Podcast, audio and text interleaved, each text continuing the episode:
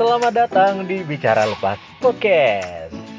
Apa kabar Anda hari ini? Sehat? Kalau saya sih luar biasa. Ini saya sangat excited deh, karena ini adalah podcast pertama saya. Ya, akhirnya bisa terwujud juga. Pengen banget sharing dan ngobrol dengan kalian semua. Dan mungkin ada yang nanya, kenapa sih pakai nama Bicara Lepas Podcast? Ya, karena di podcast ini I don't have a special issues or special treatment or etc etc. Benar-benar topiknya itu akan sebebas dan serandom mungkin sesuai dengan apa yang lagi terjadi or something in my mind and need someone to talk to or at least just for discussion. Nah, guys, friends, uh, geng, saya belum ada nih nama yang paling cocok untuk manggil kalian. Kalau ada yang punya saran, silahkan DM ke Instagram saya di @anzarahmad ya. Ahmadnya itu pakai C. Nah, di episode pertama ini saya tuh hmm, terinspirasi dari sekian banyak orang yang saya temuin di teman-teman sepergaulan saya di sosmed dan banyak lagi ya.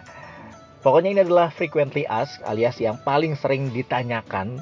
Saking seringnya saya ditanyain, makanya saya terinspirasi untuk bikin podcast ini.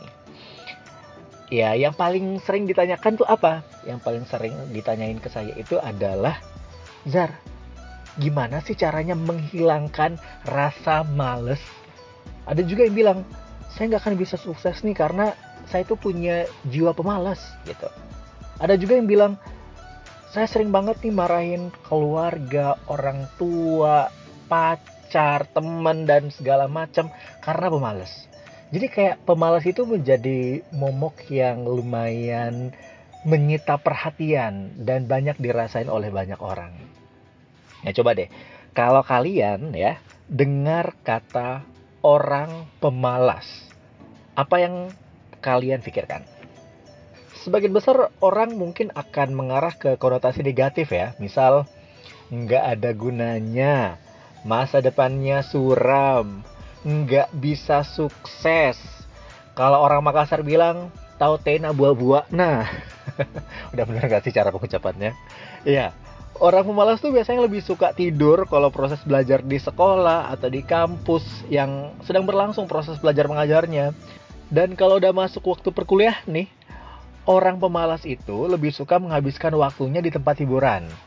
Tidak mengumpulkan tugas, bahkan untuk pekerja, deadline kerjanya tuh selalu overdue alias udah lewat dari deadline yang ditentukan. Ya complicated ya, banyak banget masalahnya. Dulu saya memang selalu nganjurin orang untuk meminimalisir jiwa-jiwa pemalas. Sampai suatu hari saya berpikir, apa benar orang pemalas itu nggak ada potensi? Kayak gitu. Apa benar orang pemalas nggak bisa sukses? Tapi sekali lagi, ini kita diskusi ya. Ada banyak kok pemalas-pemalas yang sukses. Ada yang malas jalan kaki, akhirnya ada sepeda. Kalau dulu ada becak ya. Ada yang malas ngayuh sepeda, muncullah motor. Ada yang malas panas-panasan naik motor, terciptalah mobil. Ada yang malas tempuh jarak jauh pakai mobil, diciptakanlah kereta, pesawat, jet, dan lain-lain. Ada juga orang yang malas naik tangga, muncul yang namanya sekarang itu ada lift atau eskalator. Ada yang malas nonton konser secara langsung, kadang-kadang juga karena tidak ada uang. Jadinya apa? Nonton streaming alias online. Bahkan sekarang ada yang malas ke mana-mana kalau mau beli makanan, malas bawa kendaraan sendiri, malas cari parkir, malas bawa dompet, muncullah Gojek sebagai kari anak bangsa untuk mempermudah kehidupan sehari-hari. Maju lagi promosinya ya. Ya, tentunya ada banyak banget contoh-contohnya. Kembali ke topik pembicaraan. Nah, kalau dari contoh yang kita udah kasih tadi, mungkin ada yang celoteh. Wah, kan bukan si pemalas itu yang buat penemuannya. Ya memang kata pemalas itu tuh cenderung negatif. Tapi kalau kita ngelihat beberapa contoh, justru di balik kata pemalas itu ada yang namanya peluang. Nah, poin yang ingin saya sampaikan di sini bukannya saya mau membenarkan orang yang malas, tetapi poin yang mau saya sampaikan di sini adalah bagaimana orang melihat peluang di antara orang bermasalah, khususnya orang malas. Dia melihat peluangnya, dan akhirnya dia bisa mendapatkan sesuatu ide untuk mengubah sesuatu. Karena itulah sekarang banyak guru-guru finansial dunia yang pada usia sekitar ya 25-30-an itu udah jadi jutawan. Bahkan banyak juga yang udah jadi miliarder. Mereka tuh tidak perlu bekerja seumur hidupnya untuk mencari nafkah kehidupan. Tapi mereka cukup bekerja sampai titik tertentu karena mereka malas bekerja sepanjang akhir hayat hidup mereka. Because they believe that life is not just for work, work, work, and work, but we must to enjoy it, right? Jadi, bagaimana sih caranya supaya kemalasan itu bisa membantu seseorang menjadi lebih sukses? Mungkin ada yang bertanya, emang bisa? Ayo kita diskusi. Saya yakin sebagian besar dari kalian akan merasa penasaran sebenarnya ada banyak sekali orang malas yang sukses dalam hidupnya. Yang gak lengkap ya rasanya kalau saya ngomong tanpa ngasih contoh. Ya, mungkin ada yang nanya, emangnya ada orang yang dulunya pemalas terus sekarang jadi sukses? Ada. Kalian bisa googling, itu Sir Winston Churchill di masa sekolahnya yaitu adalah murid yang nilainya paling buruk Saking malasnya, ia tuh nggak melanjutkan pendidikannya sampai ke perkuliahan. Nah, si Sir Churchill ini paling acu tak acu sama banyak kegiatan. Dan kegiatan favoritnya itu cuman duduk di kursi yang bergoyang. Kalian tau gak sih kursi yang bergoyang itu yang kayak kursi-kursi orang tua itu? Kebetulan ada di sekolah juga ya. Nah itu favoritnya tuh. Tapi siapa sangka ia berhasil menjadi seorang politisi hebat di masanya dan dianggap sebagai salah satu pemimpin Britain yang unggul karena kecakapan pemerintahannya saat Britain lagi ngalamin masalah saat Perang Dunia Kedua. Tentunya masih banyak banget orang yang dulunya orang pemalas tapi berhasil menjadi orang yang sukses. Misalnya lagi ada Karl Marx, Newton, ada Picasso, Einstein, dan masih banyak lagi. Nah, di balik jiwa-jiwa pemalas yang mereka punya, mereka itu berhasil mencapai kesuksesan yang luar biasa dan menjadi terkenal di seluruh dunia. Nah, itu membuktikan kalau orang malas justru bisa lebih sukses dan pemalas bisa menjadi keuntungan besar. Setidaknya ada tujuh alasan kenapa orang pemalas bisa jauh lebih sukses. Yang pertama, orang malas itu pasti punya daya cipta. Kenapa? Ya orang malas biasanya sangat kreatif kalau mengatur pekerjaan.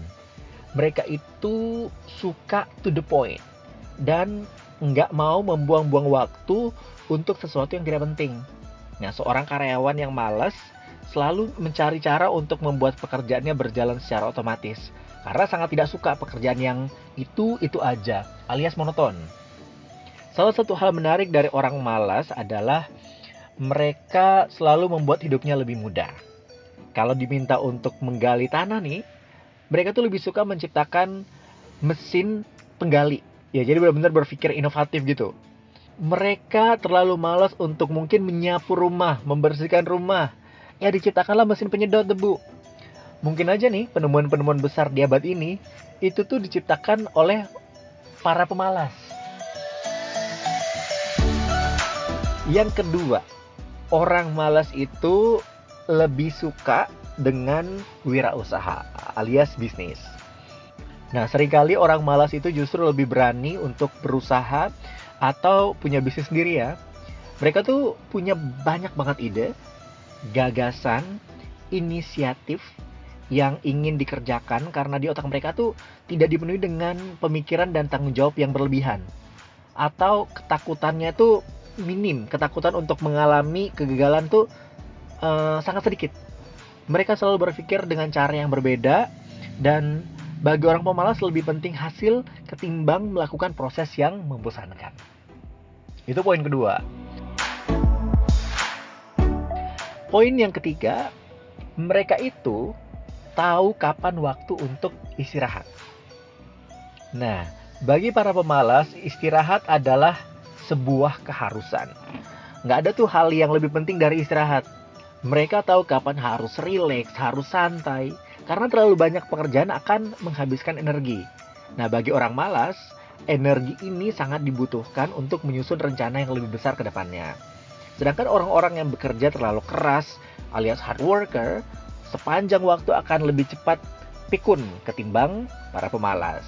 Nah, menurut beberapa ilmuwan, orang yang waktu produktifnya di malam hari dan memaksakan diri untuk berolahraga secara intensif justru itu yang akan merusak kesehatan, terutama saat usia kita udah 40 tahun nanti.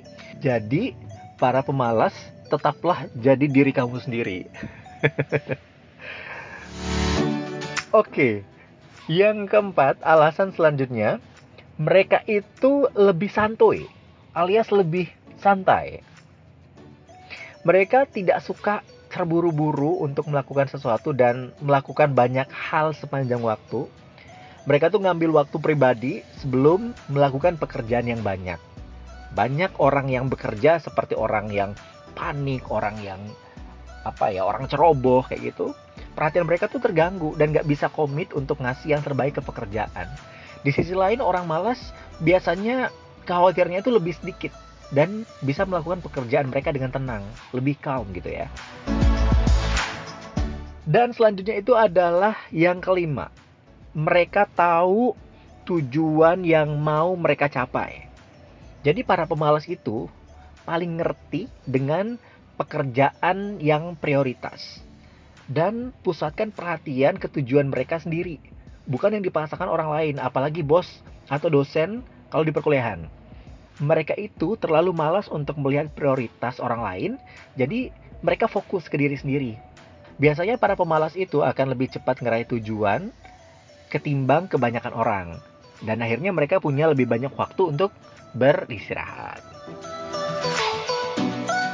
Kemudian yang keenam adalah para pemalas itu adalah orang yang pintar. Emang dibutuhkan sebuah kecerdasan, kepintaran kalau kamu menjadi orang malas saat bekerja. Mungkin kamu bingung, apa sih maksudnya? Nah gini, orang malas itu selalu cari cara gimana ia bisa bersantai saat kerja, right? Dan bisa selesaikan pekerjaan pada waktunya. Karyawan itu biasanya cenderung cerdas atau bodoh, males atau telaten. Nah, kalau kamu pintar dan malas, mungkin kamu adalah pekerja yang paling efisien di perusahaan tempat kamu kerja sekarang. Yang ketujuh atau yang terakhir, mereka itu memanfaatkan teknologi agar bisa lebih malas. Zaman modern ya seperti sekarang ini ada banyak banget program banyak banget aplikasi dan gadget yang bisa bikin pekerjaan lebih cepat dan mudah. Nah para pemalas paling tahu nih yang gini-ginian. Mereka memanfaatkan teknologi untuk selesaikan pekerjaan mereka dua kali lebih cepat. Contohnya nih kalau mereka ngerjain sebuah dokumen mereka itu bukan cuma nulis terus dikirim ke editor atau manajer atau orang lain yang mau periksa dokumen tersebut karena mereka tahu kalau itu akan text time ya, makan banyak waktu, maka para pemalas itu memilih membuat yang namanya Google Docs. Ngasih akses ke orang lain, jadi proses memeriksa, mengoreksi, dan menyetujui dokumen itu tuh bisa lebih cepat. Cara ini membuat proses pekerjaan menjadi lebih efisien dan cepat. Dan akhirnya ngasih waktu bagi para pemalas ini untuk bermalas-malasan. kita udah hampir ada di ujung-ujung nih pembicaraan kita, obrolan kita. Tapi sebelum itu saya mau ngasih sebuah survei. Ini surveinya menarik banget. Ada seorang profesor asal Amerika Serikat bernama Arnold Ledwing pernah melakukan analisis ke lebih dari seribu orang yang mencapai kesuksesan besar dalam hidup mereka. Dan menariknya dari penelitian, Arnold dapat kesimpulan ini ini harus dicatat nih. Katanya selain bakat alami, seseorang harus bisa membuang-buang waktu. Saya ulang. Seseorang harus bisa membuang-buang waktunya untuk mencapai sebuah kesuksesan. Mungkin kedengarannya seperti paradoks ya, yang di zaman sekarang semuanya harus serba cepat. Tapi si jenis Einstein pernah bilang kalau kebosanan itu merupakan sebuah alat hebat untuk mengembangkan kreativitas dan imajinasi. Tapi ingat, saya itu gak minta kalian jadi orang pemalas dan bukan malas yang asal-asalan dan gak ada tujuan hidupnya sama sekali ya. Malas itu wajar dan boleh. Tapi kamu harus ngerti waktu kamu harus serius dan bertindak cepat. Orang bilang sih, no pain, no gain ya. Kalau kamu kerjanya cuma tidur-tidur saja dan benar-benar bersantai seharian, ya kamu pasti nggak akan bakal bisa maju. Karena kamu sendiri bingung tujuan hidup kalian. Bermalas-malasan, nggak kerja, hidupnya selalu bergantung orang lain, bukan pemalas dengan tipe seperti itu. Tetapi pemalas yang bisa ngelihat peluang. Peluang untuk diri sendiri dan juga orang lain. Pemalas yang berkata, saya males, saya capek kerja seumur hidup, karena itu saya tidak mau kerja seumur hidup, saya akan kerja lima tahun saja, setelah itu saya bebas. Financial freedom. Malas yang menciptakan manfaat untuk orang banyak. Seperti itu. Jadi, sekarang udah tahu kan kenapa pemalas berpeluang lebih sukses?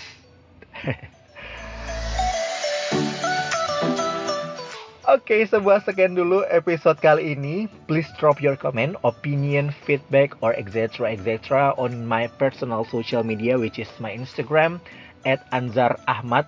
Ahmadnya pakai C. Feel free if you guys have some suggestion on the next topic, which is good for us to discuss in the next episode. Cheerio!